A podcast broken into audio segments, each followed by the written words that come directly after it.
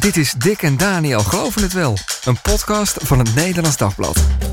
Alles wat je wil weten over geloof en kerk. Met elke week interessante gasten en altijd Dick Schinkelshoek en Daniel Gillissen. Welkom, leuk dat je luistert. We gaan doorpraten over bidden. Een aloud christelijk ritueel dat ook in veel andere religies te vinden is.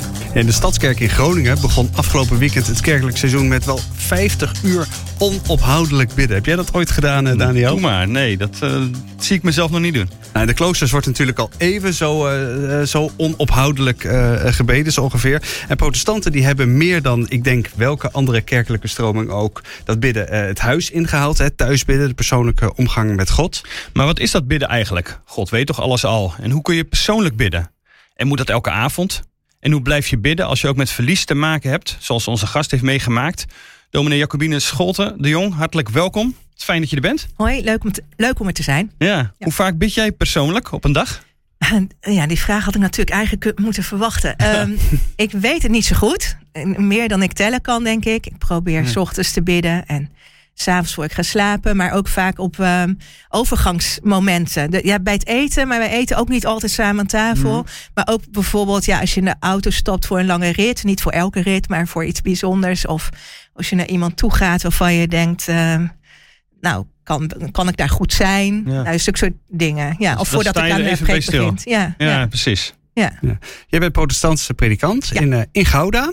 En we kunnen jou kennen onder meer voor de mensen die op uh, Twitter, tegenwoordig X, uh, zitten, van jouw nachtgebeden. Ja. Die probeer je volgens mij iedere avond? Ja, de bedoeling is iedere avond. En nou, een heel enkele keer sla ik wel eens over.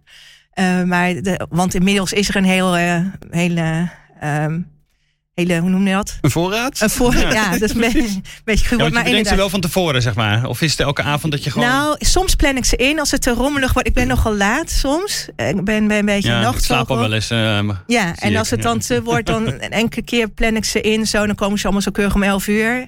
Maar het werkt toch het beste live. Want dan krijg ik krijg dan ook het meeste oh respons. En op de een of andere manier weerspiegelt dat dan iets van mijn dag. Maar blijkbaar ook wel eens bij de mensen die dat lezen. Ja, wat zal ik eens even voorlezen wat je gisteravond had en, en eergisteravond. Uh, gisteravond uh, twitterde je, of je postte, moet ik hm. tegenwoordig zeggen. Ik kan er nog niet zo goed aan wennen hoor. Ik ook niet. Aan, uh, maar goed, je, je postte gisteravond. Uh, omdat hij leeft, ben ik niet bang voor morgen. Hij heeft de toekomst. En eergisteravond, het was uh, proef en zie dat de Heer goed is. Gelukkig de mens die bij hem schuilt. Ja. Dat zijn ook wel vaak psalmteksten, stukjes ja. psalm. Ja, dus mensen vragen wel eens, bedenk je het allemaal zelf? En dat is eigenlijk niet zo vaak zo. Wel eens een beetje in de bewerking, maar het is heel mm. vaak een stukje uit een psalm of een bijbeltekst of uit een lied. Um, of uit een ander gebed uit de traditie van de kerk. Of iets wat ik die dag ben tegengekomen. Ja. En Hoe ben je er zo toe gekomen? Ja, het is een beetje begonnen. Ik denk, uh, nou, toen mijn man overleed, dat viel een beetje samen met mijn uh, uh, introductie op Twitter. En uh, dan ben je s'avonds natuurlijk veel alleen. Dus ik had er ook tijd voor om dat eens even goed daarin te komen. Dat is een jaar of tien geleden? Ja, ja. En uh, op een gegeven moment ben ik dat gaan doen eigenlijk voor mezelf. Gewoon hmm. als afsluiting van de dag. En je zag dan ook wel mensen die aan het eind van de dag zeiden van het tot morgen of zo. Weet je, het ontstaan oh, ja. van die ritueeltjes ja. op zo'n sociaal medium. Tenminste in het begin toen Twitter nog uh, aardig was. Onschuldig was, ja, precies. En, maar al gauw reageerden mensen erop. En ook dat het zo lang is doorgegaan heeft echt wel te maken ook met de respons. Want ik ben helemaal niet per se zo goed in dingen volhouden. Maar, nou, dit tien is, jaar volhouden elke avond. Dat, is wel en, een, dat weten we rond bidden ook wel, dat dat een klus is. Ja, en, maar het, dat is dus al een eerste soort leermoment. Dat, het, het, dat doe je dus ook vanwege de respons. En ja. ik vond dat bijzonder ook... Nou, nu zijn we misschien nog kritischer, maar ook toen waren we kritisch op sociale media. Mm-hmm. Is dat nou echt contact of is dat niet nep? Ja. Je weet niet precies wie je, met wie je te maken hebt. Maar mijn ervaring is dat je mensen eigenlijk best goed kunt leren kennen. En dat er toch iets van een gemeenschapje ontstaat. En dat er dan eens mensen zeggen: Oh ja, nu kan ik naar bed. Oh ja, ik zat oh, er al op te wachten ja. of zo. Of, uh, oh, mooi is dat. Uh, en, dan... en, dat, was, dat hielp mij natuurlijk ook. Dat er gewoon ergens out there er nog iemand is die dat even heeft gelezen. En zegt: Nou, tot morgen. Of, uh, ja, ja. ja. Want wat, wat, wat kun je ermee doen met zo'n nachtgebed? Wat, of waar, wat doen mensen ermee? Nou, dat heb ik eigenlijk nooit uitgevraagd, precies. Voor mezelf is het vooral, denk ik, een zin uh, waarin even je gedachten bij elkaar komen. Ja, het is één zin, hè? Ja, dat, is de, ja. want dat komt ook omdat in Twitter natuurlijk in het begin moest het 140 tekens zijn. Mm -hmm. En nu mag het iets meer zijn. Um, maar het is ook soms goed om één zin. Soms kun je ook helemaal niet concentreren op meer. En het, de gedachte is dat het mensen helpt om de overgang te maken van de dag naar de nacht. En om los te laten wat er is. En uh, ja, een beetje onbevangen, of nou in vertrouwen te gaan slapen. En nacht is natuurlijk een bijzonder moment eigenlijk. Hè? Een kritisch moment. Soms ben je alleen, soms lig je te piekeren. Soms ook niet hoor. Mhm. En er zijn s'nachts ook heel veel mensen aan het werk. Bijvoorbeeld, ik heb ook wel eens commentaar gehad dat het wel erg veel over slapen ging. Terwijl iemand zei, ja, ik werk de hele nacht. Oh ja. Oh, En ja. die wel prijs stelde op dat nachtgebed. Maar het- dus daar probeer ik op te letten dat het niet altijd over slaap gaat. Ja. Ehm, en nou ja, en het, het hielp mij dus. En, en het doel is dat je die overgang maakt. En ja, wat je ermee kan doen. Nou, je kan het letterlijk bidden. Gewoon even zeggen. En amen zeggen. Soms reageren mensen ook gewoon met amen. Amen, Ja, ja. ja. En dan, dan is het ook weer klaar. Ja. En ik hoop dat het eh, anderzijds mensen soms eh, een opzetje geeft om te bidden. En sinds een poosje, is nog niet zo lang, heb ik die plaatjes erbij. Daar heb ik heel lang over geaarzeld, omdat nou, het is ook meer werk. Maar ook dat leidt het niet af. Maar het voegt blijkbaar toch toe. Ja, je zet de tekst op een plaatje. Ja. Ja. En daar is een beetje mijn gedachte van. Nou ja, je hebt natuurlijk mensen die heel gedisciplineerd hun telefoon beneden laten liggen als ze gaan slapen en zo. Eh, maar als je nou wakker bent of in het ziekenhuis ligt of je zit beneden op de bank eh, hè, met eh, een zieke baby of omdat je niet kan slapen, dan dat je gewoon zo'n plaatje op zo'n op je mobiel, Mhm. dat, je, dat je gelijk eh, ja, daar even in bent of zo. Dat, Ja. dat het dan niet zo heel veel extra tekst nodig heeft, maar je toch verbindt met Ja. God. Ja. Want, want nu ben jij een, een, een Twitter-voorbidder. Of, Heb je voor de, voor de Instagrammers en de Facebookers eh, onder ons... Jazeker. dat- ja? Nee, maar ik post, dit, dit komt ook op Facebook vanaf het begin. ja, En eigenlijk is meteen dat ik niet op Facebook zit. Vanuit Facebook zijn die plaatjes erbij gekomen, want die begonnen toen met die achtergrondjes Ja. en zo. En toen dacht ik, ja, dat, nou ja.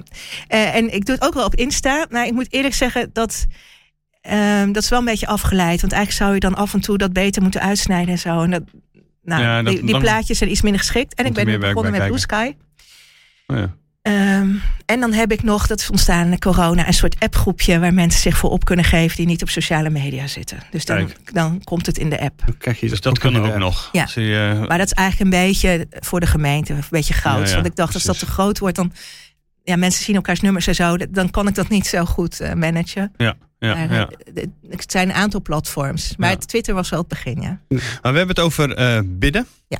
Wat is dat eigenlijk? Ja, dat is een goede vraag. Er is heel veel over gefilosofeerd en getheologiseerd al vanaf het begin. En ik denk eigenlijk dat heel veel, als je theoloog bent, heel veel van de geloofsleer van de kerk is voortgekomen uit bidden en uit deze vraag. Mm. En wat doen we als we bidden? Wat zeggen we als we bidden? Tot wie bidden we? En eh, we noemen dat dan technisch het dogma volgt op doxa. Hè? De leer volgt op de lofprijzing. Mm. Ehm, dus is het al, dat kan ik nou gewoon niet zo snel samenvatten, 20 eeuwen theologie. Je kunt er ook heel filosofisch aan over nadenken. En voor mij is denk ik bidden ehm, vooral ja, bij God zijn. Of even de aanwezigheid van God zoeken. Praten met God wordt wel gezegd. Ja, Is maar dat, dat, praten, vind ik, dat is wel heel protestants, hè? Ja, En, eh, en ook wel heel erg van mensen die in staat zijn om te praten. ja. Ehm, En het is vaak praten tegen God en niet zozeer met God. nou, precies. Dus, dus ik, ik, vond, ik, ik hoorde er eh, ooit is de Engelse eh, zin hanging out with God. Mm. En dat is dan een beetje populair Beetje geformuleerd. rond, rondhangen. Ja, gewoon een beetje rondhangen bij elkaar. Weet je, Ah, zoals ja. jongeren met elkaar hangen. Je denkt, oh ja. Dan gaat het ook niet altijd ergens over. Nee, het klinkt een beetje oneerbiedig, maar Mm. weet je, en er hoeft ook niet altijd zoveel gezegd te worden. Ehm, als je het wat dieper zegt, is een beroemd boekje van ehm, Abraham Heschel over eh, in het licht van zijn aangezicht. En die zegt dan, dus een, een Joodse filosoof, theoloog, eh, weet voor wie je staat. En dus je, natuurlijk zijn we altijd in de aanwezigheid van God, maar dat ben je niet zo bewust. Maar dat je even bewust denkt van, ik, ik leef voor zijn aangezicht. Ik til mijn leven omhoog. Ja. Eh, ik, ik, ik laat het even zien. Ik ben bij hem. Ja. Want dat, dat doe je, dat is eigenlijk heel bewust. Ja. Want je leeft altijd eh, Tuurlijk. in contact ja. met God. En dat bedoel, is, God is er nooit niet. Nee, dus het heeft Nee. iets te maken voor mij, dacht ik, met stil worden toch? Of stilstaan misschien. En inderdaad even iets markeren in de tijd. Of, of eh, ja, dat klinkt misschien ook een beetje kinderlijk, maar even zeggen, kijk, dit is er. Mhm. Heel veel psalmen zijn natuurlijk ook een beetje zo van, kijk God, hier gaat het zo. Weet je, ziet u het wel? Ja, En, brengt ehm, dus in de ja. aandacht van God of zo ook nog. Ja, en Ja. Een, van, een van de zinnen die ik altijd heel mooi vind uit de Bijbel is eh, bij Hagar, u bent de God die mij ziet. Weet je, en, eh, Ja. Ik zat hier natuurlijk een beetje over na te denken toen, we, toen jullie me hadden gevraagd. Maar ook uit de lossing van Zacharias, dat, dat bid je dan in de traditie veel 's ochtends. Maar is ook eh, de God die ons ziet en ons redt. U hebt Ja. ons gezocht en gezien. Ja. En dat is eigenlijk wat je doet, denk ik, als je bidt. Is, is, wij zoeken God, maar die was er al. Dus- En eens even laten zien van Ja. dit is mijn leven. eh, laat uw licht erover schijnen, zoiets. En bij bidden komt vaak een vorm. Hè? Dat- Ja, hoe- ik heb ja. geleerd van handen vouwen, ogen dicht, zeg maar. Dat leer je als Ja. kind. Als je als kind christelijk wordt opgevoed, dan is dat een vast element eigenlijk. Hoe eh, zit dat eh, in elkaar, Dick? Je hebt even gekeken, waar komt dat vandaan? Ja, ik heb eens even, maar eens even gaan nazoeken, want eigenlijk wist ik het helemaal niet. Want hoe zit dat precies nou met dat handjes vouwen ogen dicht? Eerbiedig. Hè? Ja, nu eerbiedig zitten. En Volgens mij is het dat ook. Eh, de, de- ze doen ook allerlei verhalen de ronde van nee, dat is dan een teken van eerbied en respect. Nou, ik moet eerlijk zeggen dat ik dat niet zo erg terugvond. Volgens mij is het vooral heel praktisch ook geredeneerd. Als je je handen bij elkaar hebt, kunnen ze niet wat anders doen. En als je je ogen dicht hebt, dan zie je, dan, dan zie je niks anders. Het is een kwestie van, van focus. Ja. En van, eh, Ja. Geen afleiding. Precies, geen afleiding. Ik richt me nu, eh, ik richt me nu op God. En wat ik dan wel, eh, waar ik dan wel benieuwd naar ben, eh Jacobine, als, je, als jij naar jouw eigen wat is het, gebedspraktijk kijkt, hoe belangrijk is houding dan voor jou? Doe jij het ook zo, handen vouwen, ogen dicht? Of zeg je, nou, ik, ik, heb dat misschien wel vroeger zo geleerd, maar Heel wisselend eigenlijk. Hè? Dus zodra je met mensen bidt, of als ik bijvoorbeeld aan mijn bureau bid voordat ik aan, aan een nieuwe preek begin of zo, eh, of voor mijn gemeenteleden bid, dan doe ik dat wel vaak zo, denk ik. Eh, maar ik bid ook, ja, terwijl je buiten aan het wandelen bent Ja. of, of zo. Ehm, Dus de vorm is niet doorslaggevend om een gebed te laten zijn. Hè? Nee, dat denk ik niet. En het is natuurlijk ook, ja, zingen is ook een soort van bidden. En dat doe je Mhm. dan al vaak weer wat meer open. En trouwens, in de kerk heb ik ook vaak mijn ogen open, omdat ik dan toch iets heb opgeschreven Ja. of zo. Hè? Ja. Ehm, en ook vaak mijn handen omhoog. Dus dat doe ik ook wel. En ik ben wel. Toen, ik ben niet echt opgevoed met knielen voor je bed. Maar, ik, maar ik zag wel mijn vader dat doen. Het heeft veel Ja. indruk op me gemaakt. Dat ik wel eens langs, ook. Ja. langs de slaapkamer kwam en dat mijn Ja. vader zo aan het bidden was 's ochtends. Vaak 's ochtends, denk ik. Ook wel eens midden op de dag. En ik heb pas. en die lag dan geknield Ja, voor het bed. Ja. het bed. Ja, en ik dacht, eh, pas, misschien moet ik dat toch ook meer gaan doen. Want ik vind dat bijvoorbeeld, eh, ik heb een poosje in Engeland gestudeerd. In de Engelse kerk wel mooi. Eh, het, en dat doet ook iets met je houding. En ik denk, wij knielen bijna nooit meer. Nee. Ja, behalve om een Lego-blokje onder de bank uit te vissen of zoiets. Hè. Maar het doet iets met je. Hè. Ook als, Ja. nou ja, als je iemand een huwelijk vraagt. Of iemand zijn fetus vastmaakt. Of eh, even naast een zieke zit. Het Hè. heeft met, ook weer met, eh, eerst weer eerbied en respect komt ook weer helemaal op bij, Ja. bij die houding. Ja, en dat al iets van overgave misschien nog Ja, iets ja. meer. Ja. Dat knielen, ik weet het niet zo goed. In de Bijbel staan mensen natuurlijk vaak Ja. Ja. biddend. Dus het kan denk ik op allerlei manieren. En dan denkt degene die nu luistert, denkt ja, ik lig gewoon s'avonds in mijn bed. Ja. Achterover, Een beetje te bidden. prevelen, ja. Ja, ik, zou niet gauw zeggen dat het verkeerd is. Je kunt je afvragen of het meest behulpzaam is. Ja. Alleen al omdat je heel snel in slaap valt. Nou dat, en dat is natuurlijk niet zo erg. Ik bedoel, ja, je kan misschien beter biddend in slaap vallen dan piekerend of, eh, Ja, is of je dat, eh, je opwindend dat, eh, over je baas of zo. Weet Ja. je toch? Het is helemaal niet erg om eh, als je bidt in slaap te vallen. Dat denk ik niet. In de, in de Bijbel staat, eh, hij geeft het zijn beminde in de slaap. En, ehm, en het gebed gaat door. Wat me ook altijd ontroert is als Jezus in Gethsemane is... en dan tegen die discipelen zegt van...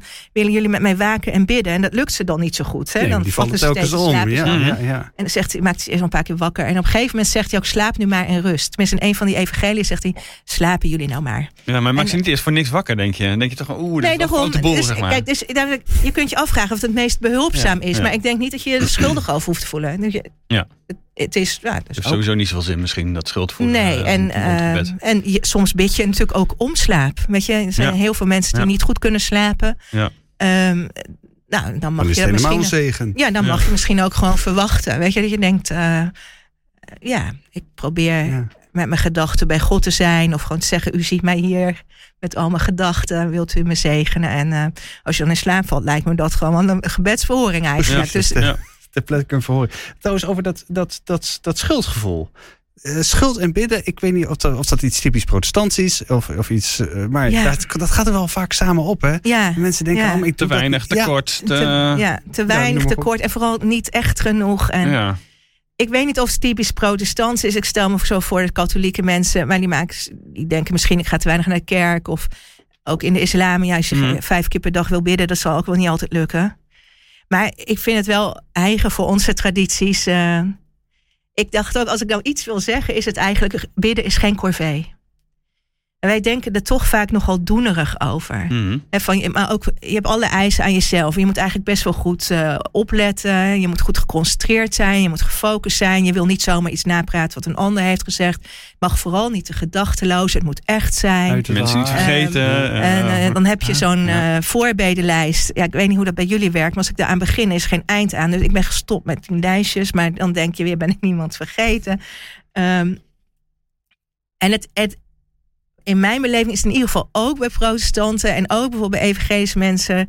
ehm, het, wordt, het wordt een soort last. Ook stille tijd doen, hè? mhm. En als je het karakter hebt waarin dat goed lukt, dan is dat fijn. Maar ik heb denk ik mijn leven lang al een soort schuldgevoel over dat het mij niet lukt om elke dag twee keer stille tijd te doen of zo. En dan ben je nog notabene dominee, zullen mensen dan ja, denken. maar dat is ook mijn behoud. Want het is ook fijn. eh, Dan ben je er in ieder geval mee bezig. ja, ik, ik bid Ja. heel veel en, eh, en ik moet ook met de Bijbel aan de slag en zo. Hè. Dus in die zin, Ja. Want daar word je gewoon voor betaald. ja, maar Ja. ik kom er in die zin gelukkig aan toe. En, Ja. Kijk, discipline is dus ook iets anders dan, ehm, dan zeg maar ritme of gebedsritme. Volgens mij is het de kunst om een ritme te vinden dat bij jou en bij jouw dag past. En wat in, in zekere zin eh, vanzelf gaat. Dus daar, ja, voor mij betekent dat dat je het vaak koppelt aan handelingen of aan overgangssituaties of aan ehm, ja, momenten. Hè? Dus Mhm. dat, dat bidden aan tafel is in die zin heel functioneel. Eh, dat, dat doe je tenminste. En dan zit je ook nog even rustig. En dan kan je ook nog even aan elkaar vragen van wat zullen we voor bidden. Ja. Je zou een kaars aan kunnen steken. Ja. Eh, maar tegelijk lukt dat volgens mij in heel veel gezinnen niet meer zo goed. Maar misschien lukt het wel als je in de auto stapt of op de fiets zit. Ja. Of als je hier het gebouw binnenkomt. Ja. Of als je je jas ophangt. Of onder de douche staat. Ik denk dat dat een plek is waar veel mensen eh, Er wordt veel onder de douche tot gebeden. zichzelf komen. Zingen en bidden onder de douche. Ja. En ja, dat is misschien ook niet zo verkeerd. Ik weet het niet zo goed. Nou, dat zingen zou ik niet iedereen aanraden. Ja, ook dat- niet onder de douche. hangt er een maar- beetje van af. denk ik. Ja, precies. Nou, maar dat, ik vind dat wel mooi. Dat je dat dan koppelt aan bepaalde vaste momenten. En op een manier die bij jou past. Ja. Maar die voor jou eh, eh, werkt of zo. En ja, en aan tafel bidden. Ja, daar, Het is een soort ritueel eh, waar ik nog van opgevoed ben. Ja. Voor en Ja. na het eten. Ja, wij ook. Dat is natuurlijk eh, eh, best wel vaak. Wat is het? Heren, zegen deze spijzen. eh amen. Ja. Eh, is dat oké? Is dat? Nou, eh, er is denk ik niet zoveel mis mee. Ik ben- Het is eh, denk ik goed ook voor kinderen om gewoon een zin uit hun hoofd. Dit zijn de zinnen die je nog weet als je Ja, ja. 95 bent. Ja. Ik vind altijd deze zin een beetje. Hij is een beetje te ouderwets vooral. Je denkt, ja, er is geen kind die het verder heeft over spijzen. Dus ik geloof dat wij altijd iets zeiden van... Eh Heere God, wilt u dit eten en drinken zegenen? Ja. Om Jezus wil amen. Maar het is natuurlijk precies hetzelfde. Maar het gaat om een zegenvraag over het eten dan. Of Ja. is bidden rond het eten nog... Ja, je kunt natuurlijk van alles en nog Nou, je kan natuurlijk uitbreiden. Ja. Het gaat eerst om danken dat er eten is. Wilt u het zegenen voor ons lichaam? Daarvan kun je wel zeggen dat het een soort, ook een, een, een, een bijbels ritueel is. Oh, Zeker. Bidden voor, Ah. danken voor het eten. Of is dat een... Ja, eh, volgens mij is dat die hele splitsing die, eh, die heel veel protestanten in Nederland maken. Volgens mij echt iets typisch Nederlands en iets typisch Ja, protestants. dat Ja, bidden dus en is- danken is- uit Ja, elkaar. bidden dus dat voor en- bidden ja, voor precies, en ja, danken ja. daarna. ja, dat, is dat, eigenlijk- is volgens mij inderdaad heel typerend voor hier. Ja, Ik ja, denk Ja. dat kom je volgens mij in, ook bij, bij protestanten in andere landen. Ik bedoel, ja, je hebt Ja. in Engeland gestudeerd, eh, zei je net. Eh, Daar kom je, dat kom Nee, je daar en- niet tegen. Nou, ik, ik, ik kom dus net terug aan twee weken Suriname. En ik vond, daar raakt het me wel weer een heel onbevangen gebedscultuur. Daar bidden mensen veel, bij iedere vergadering. Maar ook ja, als je met een groep op pad gaat, je staat bij de bus, zullen we eerst even bidden. Ehm, maar inderdaad niet na afloop weer of zo. Nee, dat- het is gewoon een keer goed. Ja, maar Ja. daarom is het ook dat volgens mij aan het afnemen. Omdat, Ja. ik bedoel, ik weet aan mijn studenten dat ik gedacht, ja, wat ben ik hier aan het doen? Eh, bidden en danken is een rare combinatie. Dat, dat Ja, na elkaar is een rare wel, ja. combinatie. En het was gauw afgelopen. Eh, nu probeer ik thuis met de kinderen, als de jongste kinderen zijn, iets van een soort gebedje te, te zingen, zeg Ja. maar. Ja. dan, dan doe je nog weer iets met, met hen Ja, samen. je kunt een liedje doen aan het eind. Ja, Kijk, want tegelijk is het natuurlijk zo ehm, dat in, op het kinderdagverblijf hebben ze een liedje aan het begin en aan het eind. ja, precies. Daar hebben ze ook rituelen, zeg maar. Eh, van, niet, om het eh, af te bakenen. Dus, maar goed, als dat de enige functie is, ik denk. Maar voor het eten bid je vaak kort, want dan wil je ook eten en is je concentratie niet op nog eens eindeloos gebedsmomenten. Dus je zou, als je Ja, ja. dat in jouw context passend is, kun je natuurlijk aan het eind nog zeggen van. Ja, goed, dan moeten mensen ook weer weg naar het sport en van alles nog wat. Ja, dat is altijd wat. Een heisa, hè? dat is Maar ook ik wel vind soms wel, enorm haast. ik wil zeggen, ik kan wel eens bij vriendjes thuis waar zelfs vooraf aan, eh, juist om die reden vooraf, wat is het, uit de Bijbel gelezen werd. Oh ja. En dan zag je gewoon dit heerlijke eten. Dat was dan soms al opgeschept op je bord. Stond er koud te worden. stond al koud te Ja, worden. En dan, dat werkt ook niet zo goed. oh, dat is niet goed voor je concentratie. Ja. En ik denk, kijk, de Joodse traditie heeft vooral veel zegeningen. Dus dan hoeft daar niet zo. Is Ja. gewoon, Heer God, eh, hè, koning van de wereld. eh, we zegenen u voor de, die het brood uit de aarde doet opkomen. En dat is ook genoeg of zo. Het, is, het gaat ook natuurlijk om het bewust worden dat eh, ook heel veel mensen geen eten hebben. Ja. En dat wij Dat is misschien meer die wel. dankbaarheid, lofprijzing. Dat is wat ja, je dan en dan is het eh, ook, doet. dan hoeft er Ja. ook niet zoveel. Want, eh, Want dat is dan het verschil met danken, zeg maar. Want dan heb je, bidden is dan meer zeg maar, de zegen over de maaltijd. Ja, En het Mm. danken is danken voor de maaltijd. voor mij loopt het een beetje in elkaar over. Ja, danken en lofprijzing en zegen. Kijk, als je, anders zou je denken, ja, als je nou ongezegend eten eet, is dat erg. Nou, dan ga je met je geest, dan, dan maak je Boven de 250. hè, Dan wordt het steeds Nee. ingewikkelder. ja, dat was wel altijd Dat helemaal was zo'n, eh, ja toch? Dat was- Boven een tientje bidden Oh. wij voor het eten. Ja. Bo- oh, dat is, Ja, dat, dan is het dat serieus. niet veel te... Nou ja, goed. Maar met de huidige inflatie valt het misschien nog wel, wel weer Ja, mee. Maar, precies, ja. eh, ja, nee, maar dat, ik vind dat toch een. Toch, want je, je geeft het even aan. Je hebt dan eigenlijk twee vormen. Je hebt dan dat, dat zegen, het zegenen van het eten. Of God zegenen om Ja. het eten. ja. En het danken voor het eten. Dat zijn eigenlijk net twee verschillende nadrukken, of niet? Nou, ik zou het een beetje in elkaar laten overlopen. Je denkt, we zijn blij dat het er is. Wilt u het zegenen? Ja, het ligt in elkaars verlengde. Wat, Ja. wat is dat dan? Ja. Ja. Wordt, wordt er minder eh, gebeden tegenwoordig, denk Nou, je? Dan, die eh, indruk heb ik wel, ja. En ook in, zeg maar, mensen die uit nog een heel traditionele christelijke achtergrond komen. Dus het zij eh, reformatorisch, het zij Mhm. evangelisch. Ik vond ook in de coronatijd, ehm, viel me dat opnieuw op. Eh, ook mensen die eigenlijk wel, wel losser zijn ten opzichte van bijvoorbeeld de kerkgang. Hè, die zeggen, nou ja, moet je nou elke week naar de kerk? Mhm. En bij ons is er echt niet zoveel sociale controle. Ik zeg altijd, eh, ik hou geen boeken bij. Maar je merkt dan hoe centraal die dienst is. En als dat wegvalt, dan valt het behoorlijk tegen van hoe geef ik nou mijn geloof thuis Mhm. vorm? Ook met een gezin of met tieners. Eh, en, en dat daar ook een verlegenheid omheen is. Ik had er een gesprekje over met een vader. Ik weet, die was gaan wielrennen met eh, een zoon van 14 of zo. Die ging elke zaterdag wielrennen. Het was misschien best een beetje awkward. Weet je, zo'n 14-jarige die met zijn vader gaat wielrennen. Maar ja, sinds wanneer doen jullie dat? Ja, Mhm. sinds corona. ja. En toen het over geloven thuis ging, ik zei ja, het is. Je kan natuurlijk ook denken, oh ja, wij bidden en lezen aan tafel. Ja, dat was er allemaal al lang bij ingeschoten. Maar kun je ook wel weer eens mee beginnen. Ja. Maar blijkbaar is er een drempel om te zeggen, oh, sinds wanneer bidden jullie aan tafel? Nou ja, sinds corona. Dat werkte toch niet zo. Mm. En het, het is lastig om daar weer iets in. ja, dus eh, als te het eenmaal is, weg is, dan komt Ja. zoiets niet meer terug, En dat je? heeft denk ik te maken met drukte. Of soms ook met dat je denkt, wil het niet precies zoals vroeger. Want dat, Ja. dat was ook wel wat al te strak of stijl. Of het past gewoon niet in ons ritme. Ik denk dat heel veel gezinnen... We hebben wel een ideaal plaatje over samen aan tafel s'avonds. Maar Mhm. het is het drukste moment van de dag. Weet je, de een komt binnen, de ander moet weg. Dan roept iemand, mijn gymkleren zijn te klein. En de ander moet een briefje. En ehm, je, En je bent bent ook, allemaal moe. je bent niet de Ja, beste dus versie van jezelf. Precies, of in gezin, of als je alleen bent, denk je ook, ja, oh, Ja. wat zit ik hier nou weer eentje weer Ja, eh, dan heb je misschien iets meer stille momenten, maar Ja. dan heb je ook. Dus, eh, en ons leven wordt bepaald door een continue stroom, maar zelf vormgeven aan je dagritme en je invulling van je dag en je week en, Mhm. en je jaar. eh, dat kost ons steeds meer moeite. En ik merk daarom ook dat bijvoorbeeld dingen zoals het kerkelijk jaar, de opvolging van de seizoenen, traditie rond bepaalde periodes, dat die eigenlijk juist in vruchtbare bodem vallen. En dat dat ook. ehm, ik denk dat we daar heel veel aan gaan hebben. En dat is dan niet omdat je een of andere traditie maar alleen maar hoog wil houden, maar ook omdat het Mhm. ons helpt om te Een denken. houvast geeft. En, eh, Ja, ja, en dat Ja. hou vastgeeft. Dat je denkt, oh ja, waar zitten we in, eh, in het jaar? Ja. Waar zitten we in de week? Ja. De zondag, de andere dagen. Wanneer onthaast je nou eigenlijk? Ik ben opgevoed met dat er niet zo heel veel mocht op zondag. mhm. Ehm, maar ik ben daar eigenlijk ook wel dankbaar voor. En denk dan, ja, op zondag hoef ik niks. Dan hoef ik niet ergens heen. Dan ga ik Kun je dat nog een beetje volhouden? ja, dan ga ik Oh, niet ja. meer... Nou ja, ik moet werken natuurlijk. Ja, maar, ook, Ehm, verder, nee, ik vind, Dat is de weet je, van die familieafspraak. Ja, voor twee uur ben ik nergens. En ik heb eigenlijk een hekel aan als het moet. Ik doe wel dingen, Mhm. maar niet omdat het moet. En ik probeer, eh, dat is ook Dat iets van thuis hoor, maar geen administratie. Geen, hè, je, Ja. je bankrekeningen kunnen we op Maar ook geen, ook geen huiswerk? Liever geen agent. Nee, dat wisten, vroeger deden we dat niet. Ik ben niet zo streng met mijn kinderen, dat, dat hou ik niet vol. Maar voor ons werkt het ook wel goed. Je hoeft dan ook niet steeds te kiezen namelijk. En je, dan, op zondag ben je gewoon vrij. En dan... eh, En dan precies, maar wat jij zegt, je bent niet zo streng voor je kinderen. Dat geldt voor mij ook. Ja. Ik mocht het ook niet. De, Nee. Maar ja, goed, nou ja. misschien verliezen ze er dus ook Ja, iets dus mee. precies. Ja. Dus het, het, het, het dingen lekken ook wel weg. En dan kun je, is dat erg? Ik weet het niet. Eh, ja, knik dik. nee, nee, nee of, eh, ik, weet het, ik weet het ook niet. Kijk, ik bedoel, ehm, want ik vond het wel grappig dat jij zei van ja, vroeger mocht ik niet zoveel op zondag. Ja. En vervolgens hoorde ik je t- eh, twee zinnen later zeggen. Het is eigenlijk wel fijn dat ik nu niet meer zoveel meer hoef op zondag. Ja, nee, dat is ja, net een hele andere, manier van de. Ja, we hebben het allemaal over kijken. onthaasten, Ja. over je thuiswerkdag, over wanneer ben je vrij, over grenzen Ja, afbakenen, afwezigheidsmelders op je mail.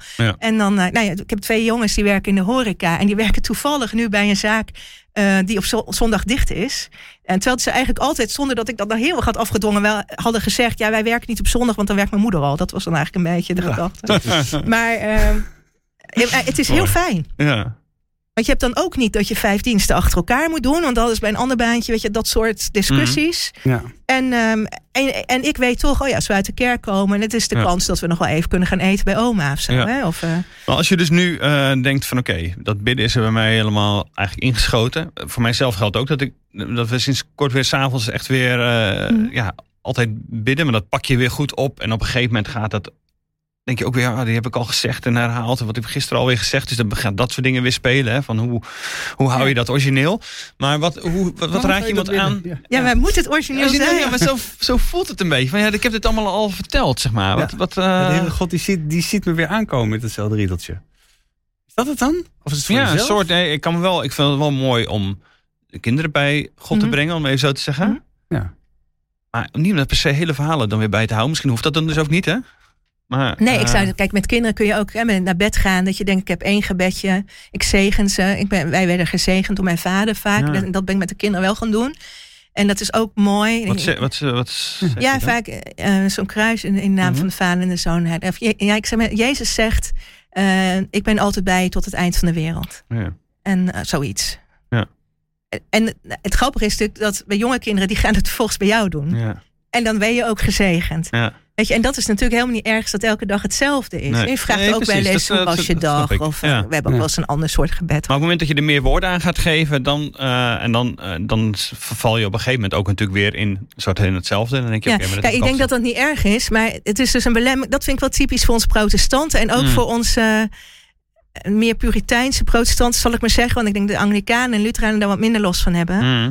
Dat, we willen dat het echt is, dat het origineel is, dat het niet hetzelfde is als gisteren of zo. Of Ja. dat je iedere zin ervan meent. Ja. En ehm, Gebruik nou eens gewoon de woorden die gegeven worden en zo niet zo. ja, nou, ja, het, gaat, weet je, ik, het is ook even bij God zijn. Ja. Of even je leven aan God opdragen. Of zeggen, eh, nou, we hebben gegeten. Ja, ik stap nu weer eh, op de fiets naar de sportschool. of Ja, ja. Ik moet nog werken. Eh, en dan zit je weer achter je laptop, hè, boven op je zolderkamer of zo. Je denkt, nou, dus ik, mijn eerste tip zou zijn: zoek eens naar de momenten op de dag. Ja. Waarop je. ehm, ja, een soort. En vaak zijn dat dus overgangen. Dat kan ook als je wakker wordt. Ja. En plak een briefje op je badkamerspiegel. met een, nou, misschien een ochtendgebed wat je mooi vindt. Of een, of een zin. Eh, en dan bid je dat gewoon. Ja. Van eh, dank u wel voor de nieuwe dag. En juist die, Amen. precies, je staat even erbij stil. Je herhaalt wel iets. Het is wel elke ochtend hetzelfde, maar Ja. het is wel een moment om even stil. Kijk, en je Staan. kunt er bijvoorbeeld nu over nadenken van wat zou dan mijn ochtendgebed zijn? Nou, bijvoorbeeld iets van dank u wel voor de nieuwe dag. Help mij om te leven in uw licht of zo. Ja. Nou, en dan schrijf je het even op mijn briefje, plak je even die spiegel. En dat je denkt, oh ja, als ik mijn tanden poets of als ik, als ik mijn gordijn open doe, dan zeg ik dank u wel voor het licht. Ja. Hè, wil, wilt u met uw licht om me heen zijn? Nou, en eh, dan, dan komt er meer een soort stroom in je op gang. En kijk, die, die momenten waarop je echt wil bidden zoals wij dat gewend zijn, die komen vanzelf. Hè, omdat je opeens bij je moeder bent die ziek is en, en je zegt, ze- vind je het fijn als we nog bidden? Hm. Of zo, of in Ja. de kerk. Of, Ja. eh, ehm, ja, Maar dat, ja, precies. Maar nu begrijp ik ook beter waarom je eh, helemaal aan het begin van deze podcast op de vraag van Daniel zei. Want Daniel vroeg aan jou van hoe, hoe, vaak, eh, hoe vaak bid jij eigenlijk op een dag? Ik zag jou even kijken van ja, jongen, waar, waar zal ik beginnen? hoe, hoe vaak Ja. is dat wel niet? Maar dat heeft dus met dit soort dingen te maken. ja. Dat het is een manier van in het leven staan dan bijna. Ja, en het is bij mij ook echt niet zo dat ik. Dus soms als je iets wil veranderen, dan ga je dat bewust doen. Mhm. En ik, ik heb nu niet dat ik twintig momenten per dag heb ingetraind of zo. Met vaste teksten, maar meer. ehm, nou ja, en dus dat je soms dat opeens. Als ik naar Frankrijk rijd op vakantie. Dat is grappig, dat gingen nu de kinderen ook doen. Eh, oh, dat kwam ook omdat mijn, een van de kinderen, die heeft nu een rijbewijs, die reed. Ja. Moeten we eerst nog bidden? Ja. Ik dacht, oh, dat is grappig. Dit gebeurt drie keer per jaar. Wij bidden echt niet altijd in de auto. Maar het Ja. heeft ook iets, eh, nou ja. Ja, zo, dat is natuurlijk ook weer iets. Er staat iets eh, ongewoons te gebeuren. Je gaat, eh, weet ik veel, duizend kilometer of meer rijden. Of je stapt in een vliegtuig. Of je, Ja. nou ja, je hebt met ziekte of dat soort dingen te maken. Dat zijn allemaal momenten die je weer even bepalen bij eh, van wat zijn we eigenlijk aan het doen. Het is wel Ja. goed om dat nou ja, in de handen van God te leggen. Ja, dus Ja, het heeft ook iets psychologisch. Hè? Dus Ja. gewoon de drempels die je overgaat. Dus dat is ook een oefening als je s'avonds in bed ligt. Is natuurlijk ook, eh, leerde ik van een van mijn zusjes. eh, welke deur heb je allemaal open gedaan vandaag? En doe ze dan ook weer allemaal dicht.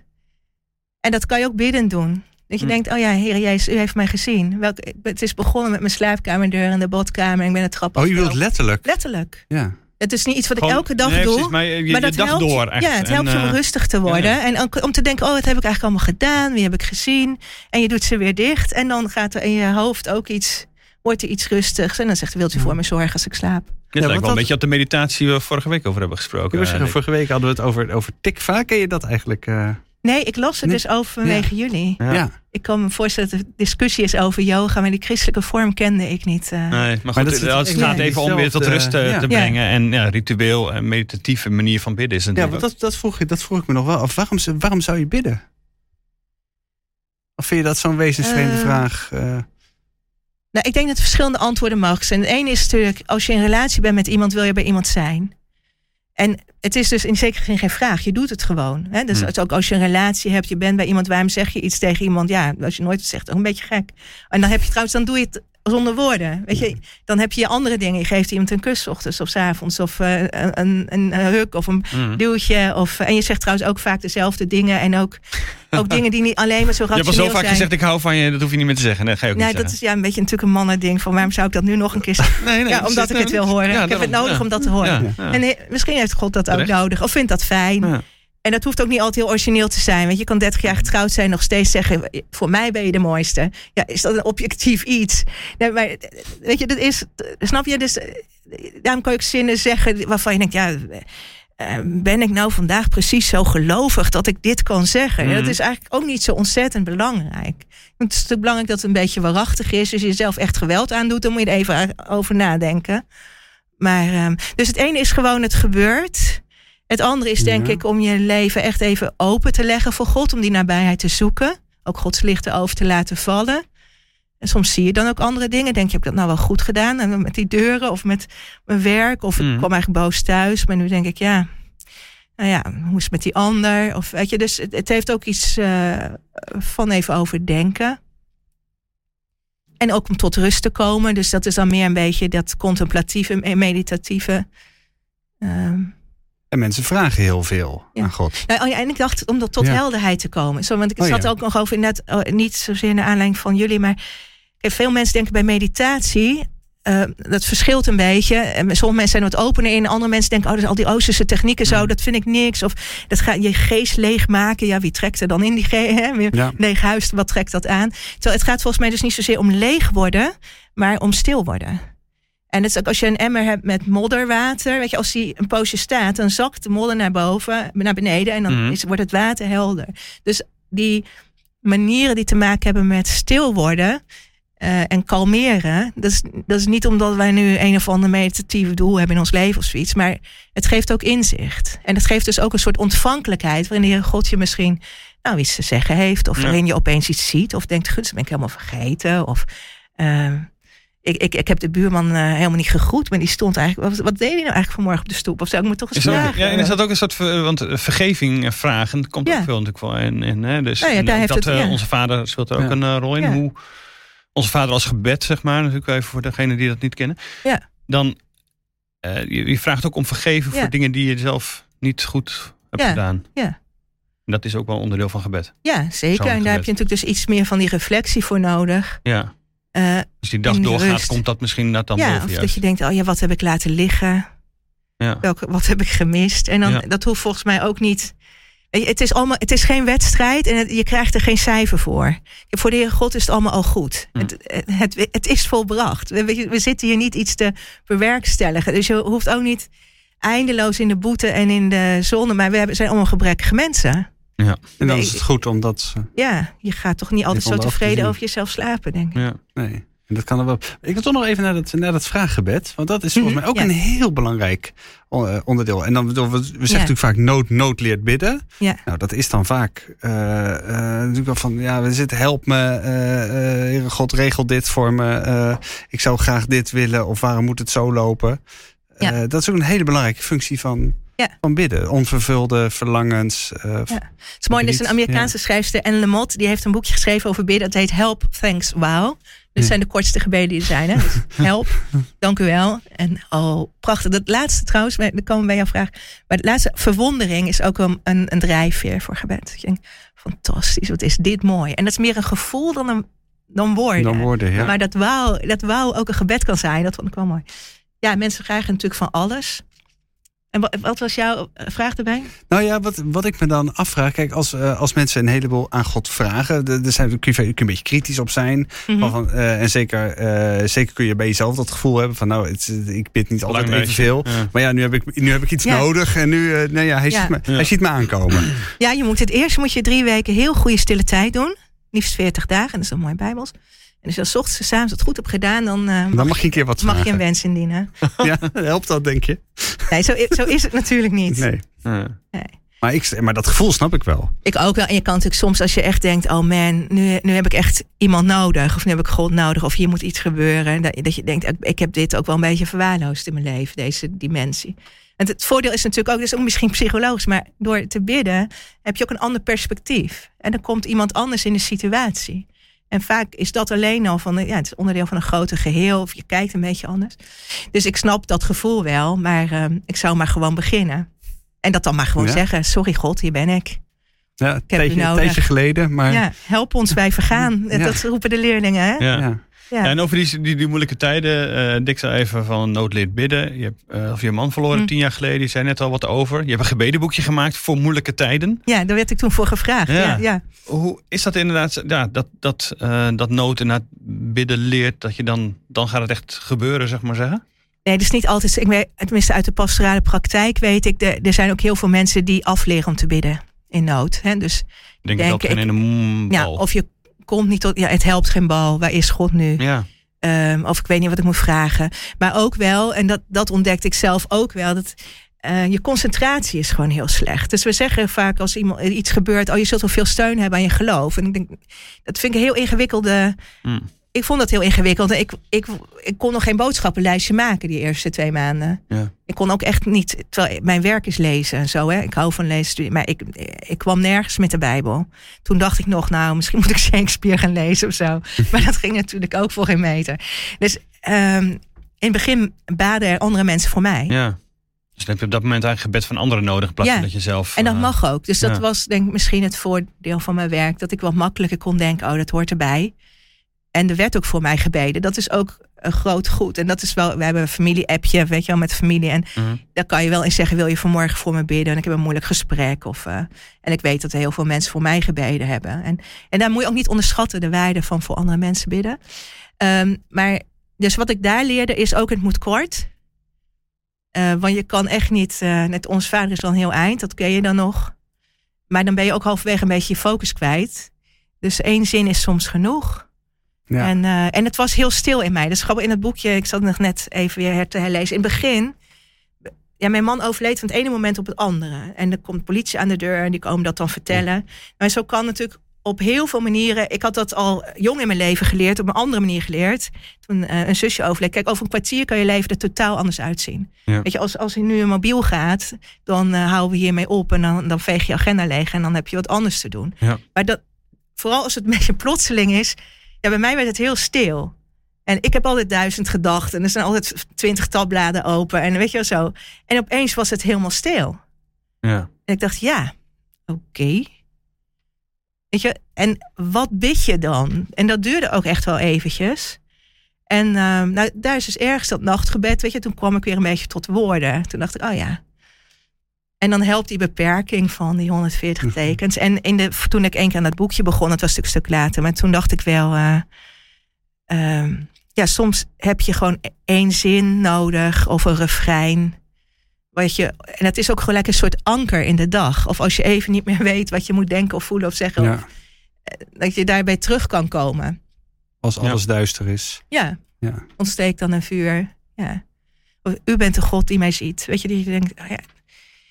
Ehm, ja, dus het, wat slecht het moeilijke tijden met je doen, dat is natuurlijk met de rouw zo, maar ook met slecht nieuws van de dokter, een arbeidsconflict, een burn-out. ehm, echt ingewikkeld. Als de stress toeneemt, dan doen je hersens het gewoon niet zo goed. Ja. En dan kom je helemaal niet tot een gefocust, authentiek vragenbed of Ja. zoiets. Hè? Dus dan heb je meer een, een, een, eh, krukken nodig om op te lopen. Ja. En dan is zo'n boekje ook krukken. Voor Ja, iemand precies. Dus dat was natuurlijk Ja, de precies. gedachte van ik reik wat aan. En sommige teksten zijn wel langer hoor dan een zin. Mhm. Maar je kan altijd de zin uitpakken. Ja. En die Ja. gewoon een beetje bij je houden. En anders moet je jouw Twitter-tijdlijn maar gewoon even doornemen. En dan heb je, Ja. heb je stof En dan ook als je bijvoorbeeld dan bezorgd bent van... oh help, straks ga ik mijn geloof kwijt. Of ik weet niet hoe het moet. Dat je denkt, oké, ik neem de krukken die me aangereikt worden. Of dat ene eh, eh, gebedje van vroeger. Ik ken zoveel mensen die dan opeens... Jezus is de goede herder zingen. Of ik zag een kuikentje. Of ehm, hè, van... eh nou, de Heer zegent jou. Zo, dat je denkt... Een psalm. Ja, dat zijn de dingen waar je dan aan vast kunt Ja. houden. Wat juist wat het dan prima is in zo'n ik zeg, situatie. niet, hè, de, eh, onze hulp is in de naam van de Heer die hemel en aarde gemaakt heeft. Er heeft wel eens iemand tegen mij gezegd, ook in de kerk. Waarom zeggen we dat elke week? En altijd die klassieke woorden. Ik heb helemaal het gevoel alsof ik een kind ben in, eh, in de kerk. Dus ik, Ja. is dat dan negatief? Maar ik hoop altijd maar dat het zo diep in ons zit. Dat als je in het ziekenhuis ligt en je wordt aan de OK gereden. Dat je denkt, oh ja, mijn hulp is in de naam van de Heer. Die hemel en aarde gemaakt heeft. Of als Daarom je, doen we dat. Ah, ja, ja, en als je, als je dement wordt. Ik, ik, ik werk natuurlijk ook veel met, met oudere mensen. Ja, wat kennen ze nog? Ja, de psalmen van vroeger. Ja. Juist die herhaling heeft dan iets eh, Ja, gebracht. en het opent ook iets in hun Ja. hart. Kijk, als mensen bijvoorbeeld Ja. dement zijn, dan weet je soms niet meer wat ze begrijpen of hoe je ze moet bereiken. En als je ze dan ziet zingen, dan kan je natuurlijk ook wel kritisch denken: ja, wat ze echt van snappen, weet ik ook niet. Maar je ziet dat ze. Hun, er gebeurt iets in hun ziel waar wij niet meer bij kunnen. Dat Ja. doet bijvoorbeeld die muziek of die tekst. Ja. Dus als mensen dan, en als ik dan zeg: onze hulp is in de naam van de Heer, die hemel en aarde gemaakt. Dat vind ik zo Ja. mooi dan eigenlijk. Ja. Ehm, en Ja. daarom doen we dat ook. Weet je, het draagt je als je het nodig hebt. Dus je moet ook niet altijd zo bang zijn als je dingen.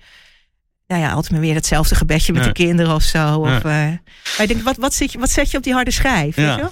Prachtig, die laten we gewoon eh, inslijpen in die harde schijf. Dat is ook wat je, wat je zegt. Zou je tot slot van deze podcast met ons een gebed uit het boekje willen voorlezen? Wil je niet vragen echt te bidden voor ons, maar wel om nou ja, dit voor te lezen en eh dat als vo- slot van deze Ja, podcast. je had het, eh, ik vond het een beetje ingewikkeld. Want ik weet dus niet wanneer mensen dit Nee, horen. Want het het, kan, hè, dus eh, het kan s'avonds laat zijn, zijn, of ja. s ochtends vroeg. Of Midden in de nacht. midden in de nacht. Ja. In dat boekje staan eh teksten van mezelf, maar ook andere gebeden van andere Nee, mensen. het heet eh, Gebeden voor moeilijke ja, tijden. hè? gebeden voor moeilijke tijden. Het is helaas alleen antiquarisch verkrijgbaar. Ehm, maar er wordt wel eens gesproken over een herdruk. Dus als jullie Wie weet. Ja. Ehm, maar ik heb een gebed van een collega van mij, Kees Baggerman. Eh, en dat is een middaggebed eigenlijk, maar ik, dat kun je de hele dag bidden. En ik dacht, misschien is dat ook een beetje wat ik jullie wil meegeven vandaag. Midden op de dag kom ik tot u. Wees gij, o Heer, het midden van mijn leven. Midden op de dag kom ik tot u. Wees gij, o Heer, het hart van mijn bestaan. Amen. Amen. Amen. Dank, Jacobine, voor je verhaal. Heel graag En gedaan. Dank voor het luisteren. Tot volgende week. Dan eh, zijn we weer terug met een nieuwe aflevering van Dikke Daniel. Tot dan. Doeg.